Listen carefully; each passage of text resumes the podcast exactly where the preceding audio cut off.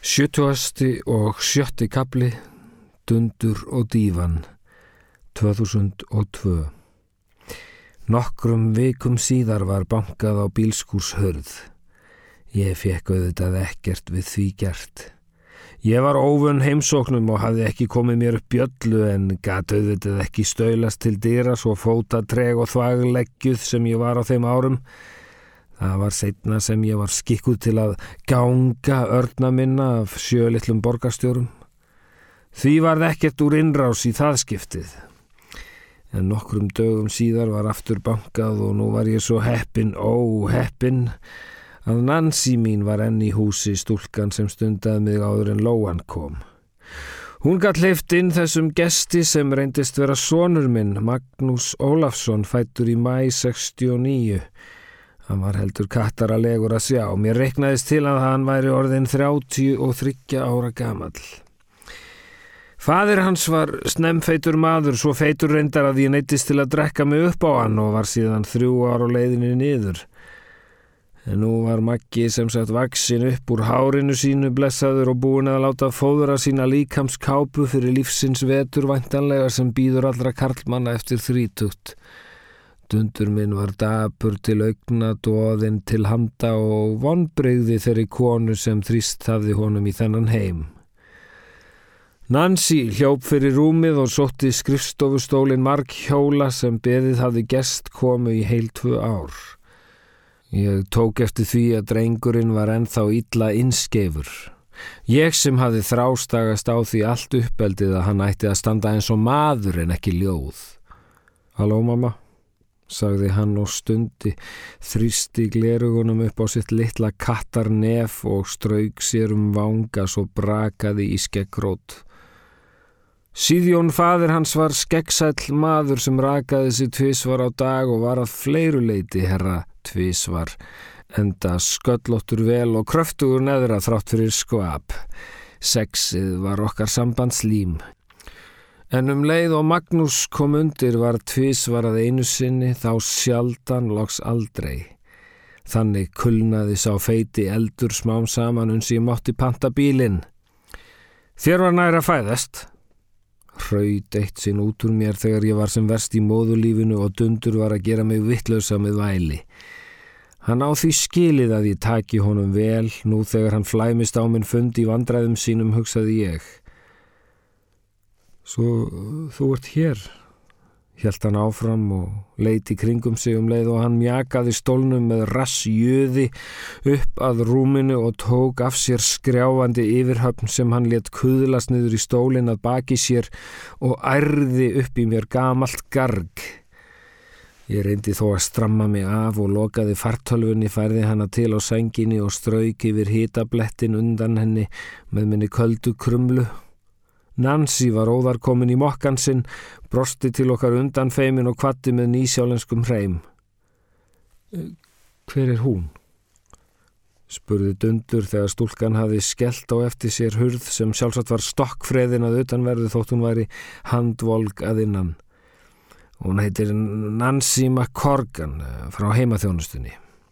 Já sagði hann og þagði svo og setti skeifu á munnin og kinkaði nokkrum sinnum kolli á valdi annars hugar.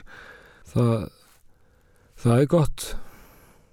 Hér fór þippni drengurinn minn sjálfsagt yfir allt sitt sonarmóður samband á 20 sekundum. Hver sárt væri að sjá mig hér rúmfasta í bílskúr af öllum stöðum eina og yfirgefna. En ég ætti það nú samt skilið eftir að hafa gert bernsku hans að einum stórum þingum morni og fært honum 15 feður. Ég notaði tíman til að förða mig á því að ég ætti svo ungan mann fyrir svon.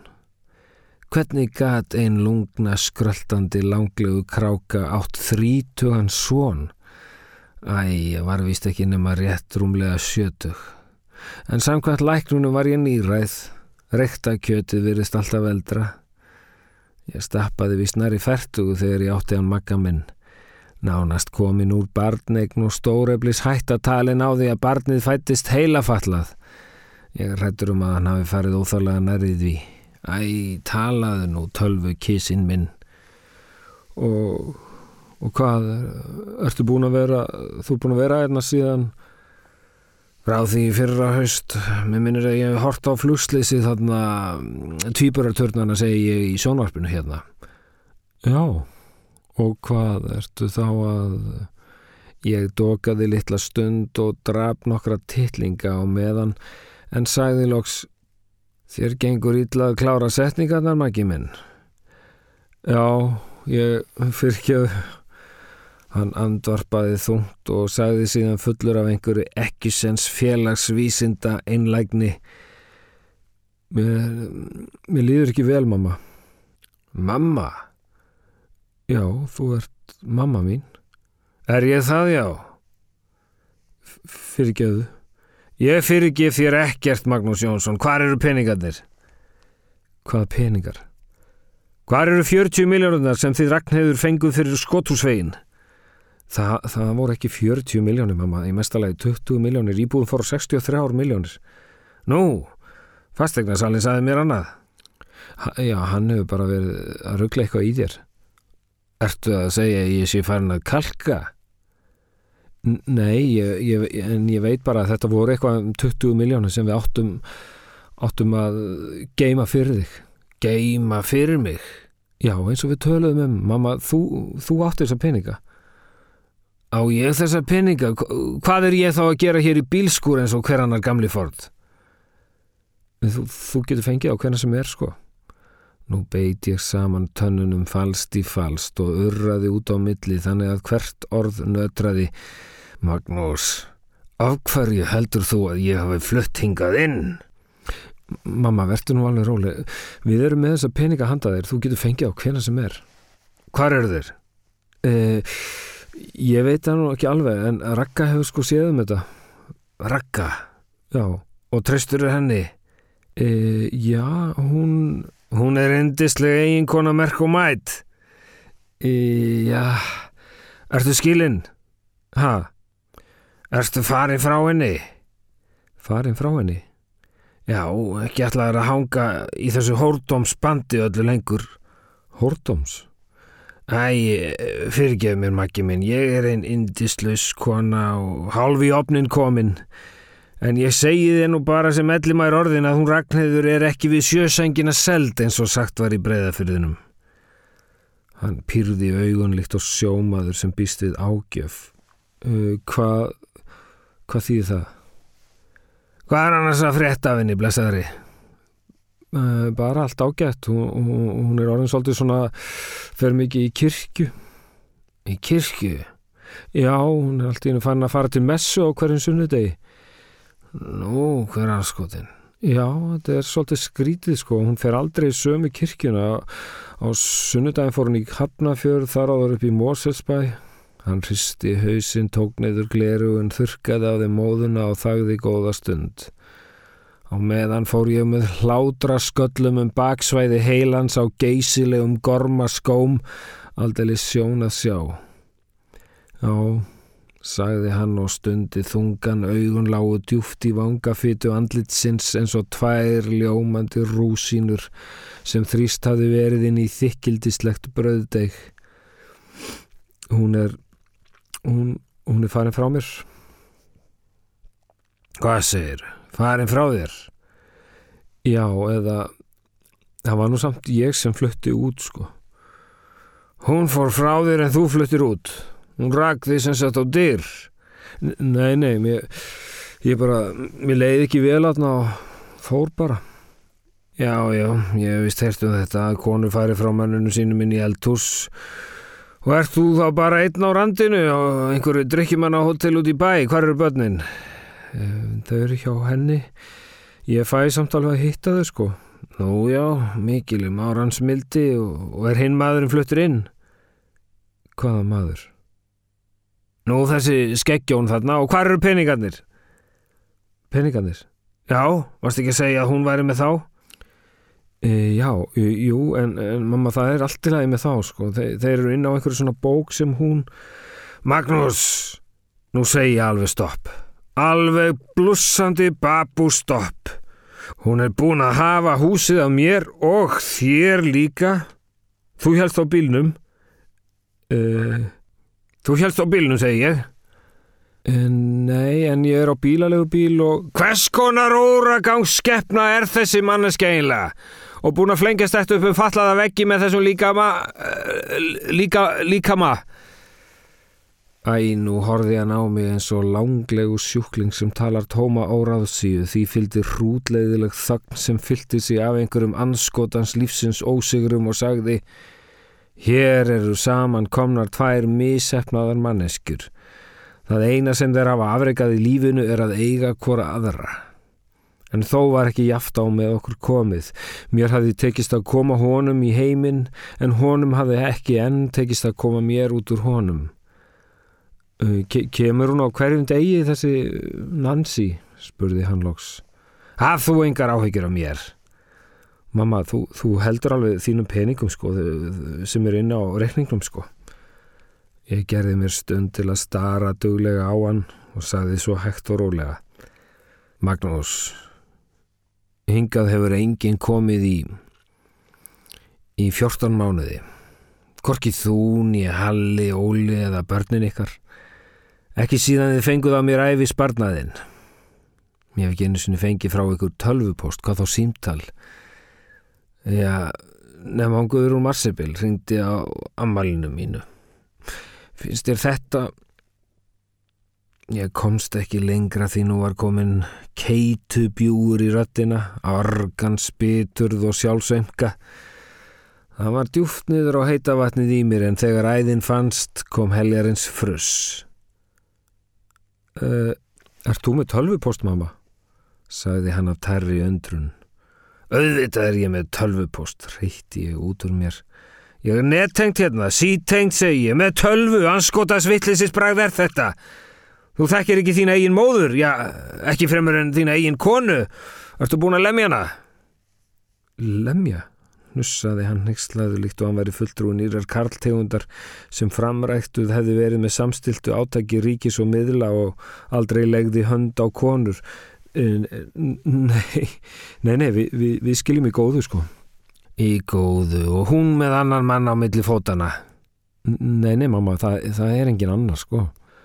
Magnús, síst vil ég auðmingja móður vera. Nú skalt þú fara heim í húsi sem þú átt að segja þinni upp og glöðu konu að, að finna því í grætni lautu hvar, já, hvar hvítadökin fellur á laufið og ég var stopp. Hann starði á mig svo hissa að rúsínutnar gegðust ögn út úr deginu. Á ég að fara, fara með þetta ljóð fyrir hana? Æ, æ, æ, æ, það er best í skrifinniðu nafni. Þú segist hafa sannanir og er harmað hefna. Eftir bara bál reyður hreint og heimtar þína íbúð, þín bíl og þín börn og miljónirnar 40 sem móður þín á. Þú, þú meina 20.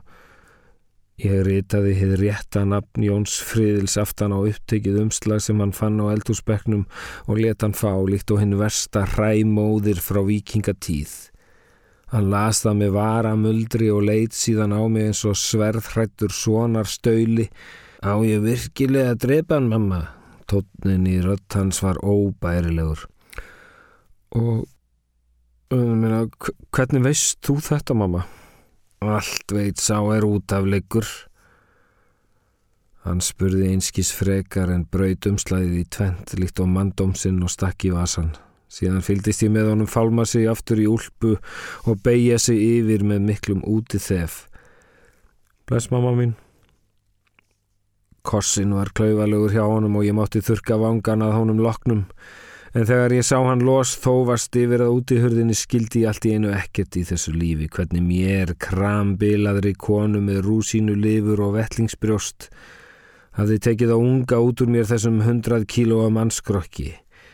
Það var mér jafn ótrúlegt og ef uppþornuðum kaktusi hefði verið tjáð að hann ætti stolpaða kenguru fyrir svoan. Hann kvatti með sorg í dimbláum augum og svo heyrði ég auðvitað ekkert frá honum meir. Sjötuasti og sjöndi kapli Meindóms vél 2002 Þetta var óskup tuttalega gert af móður hans og með öllu vanhugsað, ekki var að mér að spyrja. Sárt býtur tófan í greni sínu. Nú var hann endanlega lamaður gauið, nú satt hann uppi með ljótarmyndir og ennverri ímyndanir. Þá þekkti ég af ílri reynslu og já, nú satt hann uppi með konu í höfðinu til að æra sig næstu árin. Fátt vill æsa sem ástarsárin. Svo mikið þekk ég lífið hafandi þegið það kæftsökk sem kynlíf annara getur verið. Framhjáhald er einstakt á þann hátt að það hæfir þann vest sem ekkert aðhefst, klemmir hann óforvarendi slíkt og snjóflóð upp að sálar sinna rúðu. Þar situr hann svo fastur mánuðum saman og sér ekkit annað en makamög og makamög. Hinn ótrúi myrðir sjálfan sig úr lífi makans og gengur síðan aftur og aftur í höfði hans allsnakin og eðlandi sig. Og smám saman fer sá eitur spúandi speni að verða þín frigð. Þú ferð að dadra við þann djöful, sækist sjálf til að teikna þann hest sem kvelur þið mest og treður í svaðið í hvert sinn sem hann skeiðar inn í þitt sjúka höfuð.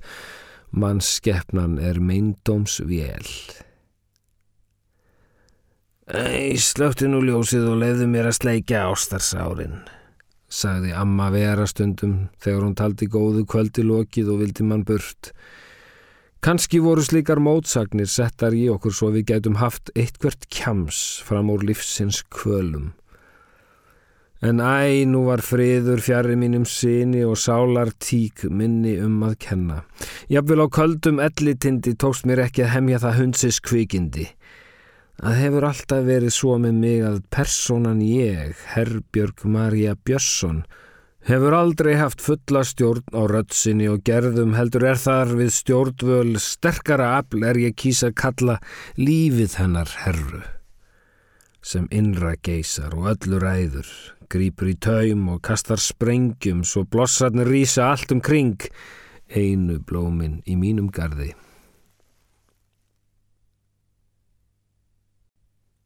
Sjötuasti og áttundi kapli Innbrott 2002 Nokkrum dögum síðar byrtist annar óvæntur gestur utan úr aðvendu myrkri. Það var árla dags og Nancy lauk upp skúrhörð fyrir síður í kápu á háum hælum sem steikaði inn á steingólfið svo glumdi í og sneri sér í hálfring með trefilsveiplu, svipaðist um. Ljósa hárið var axla sítt og vaks matt en varirnar glansandi af gluss held ég að heiti þetta slepju efni sem konur þurrar á mannin bera á orð sín. Í svima mín sögnabliks taldi ég að hér var í komin eftirlitskona frá borgarvaldinu, heilbreyðis eða félags að taka út þessa ólöglegu gamalmenna geimslu og bjóstuð spurningunni hvar er ristilspeilin? Nei, þessi stað kom Hæ, sæl með miklum kvelli og þegar hún kom að rúminu sá ég að hér var komin kona sem ort hafði börn úr mínu blóði. Sæl, svaraði ég. Gaman að sjá þig og fyrir ekki hvað ég hef verið löt að koma. Já, letin er löstur. Ha, já, en það er bara svona alltaf mikið að gera með börnin og þú veist allt þetta stús. En hvernig hefur það haft það, herra mín? Ég hef það nú bara eins og ég vil. Já, krakkarnir að voða vel að hilsa, þau spyrja alltaf heilmikið um ömmu herru og ætlaði þessi ekki búin að gleima mér tetrinn. Fjandakornið, ég var komin með hjartslátt, ekki vissi ég að það gamla tæki geti enþá skipt um gýr. Nei, nei, nei, nei, alls ekki, við tölum alltaf um því sem eina fjölskyldinu, þú mátt vera viss um það. Eitt augnablík sló stjarfa þögn á andlit hennar Svo glitti í depurð og dimmu í gegnum gleði múrin áður en hún sagði endur hress Ég kom með blöðfandaðir og dró upp úr töðri sinni lit prentaða bæklinga um lífið bak við fínustu veggi bæjarins öll þau múrbrot og hjartans þrót sem þarum braukast.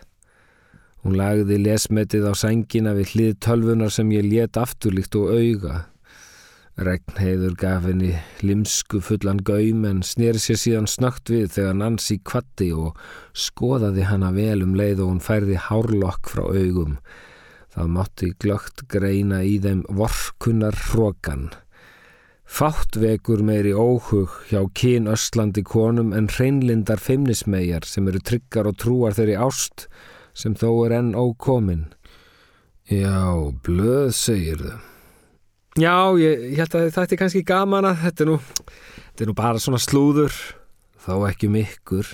Ha, þó ekki mikkur magga. Nú fór hún hjá sér. Snögg hittnaði í andliti og deplaði augum. Haha, nei, við erum nú vist ekki svo fræg. Ég hef nú alltaf sagt að á Íslandi séu allir frægin um að forsetin, hann þekkir enginn. Ah, það er alltaf svo gaman þegar þú segir eitthvað svona. Og nú fann ég að hún saknaði mín oppuskons. Saknaði sinnar gömlu tengda kæfu svo mikluð sem hún var samt orðin. Ég man hvað ég tók henni vel í fyrstu þegar Maggi kom með hana vel vaksinn viðskiptafræðing á skotthúsvegin í miðdegismat. Henni fannst stór gaman að þessari skrítnu kellu sem eldaði bjúu með surkáli, rekti rjómagular síkaretur frá Rót Hendl og talaði um bestastaði líkt og fólk talar um börn sem það átti og misti og ég var óskup glöð með hann að dundur og dívan hafði loksins nælt sér í spús, þá var kátt í koti. Nú var hún komin áleiðis upp á lífsins hól og búin að setja upp þennan rembi róku svip sem íslenskar konur fá framann í sig frá gjólinu, allri og glussinu, kvestas hressinu og standa sig stressinu svo ekki sem minnst á hitt gargandi auga vinkvenna eftirlitsins.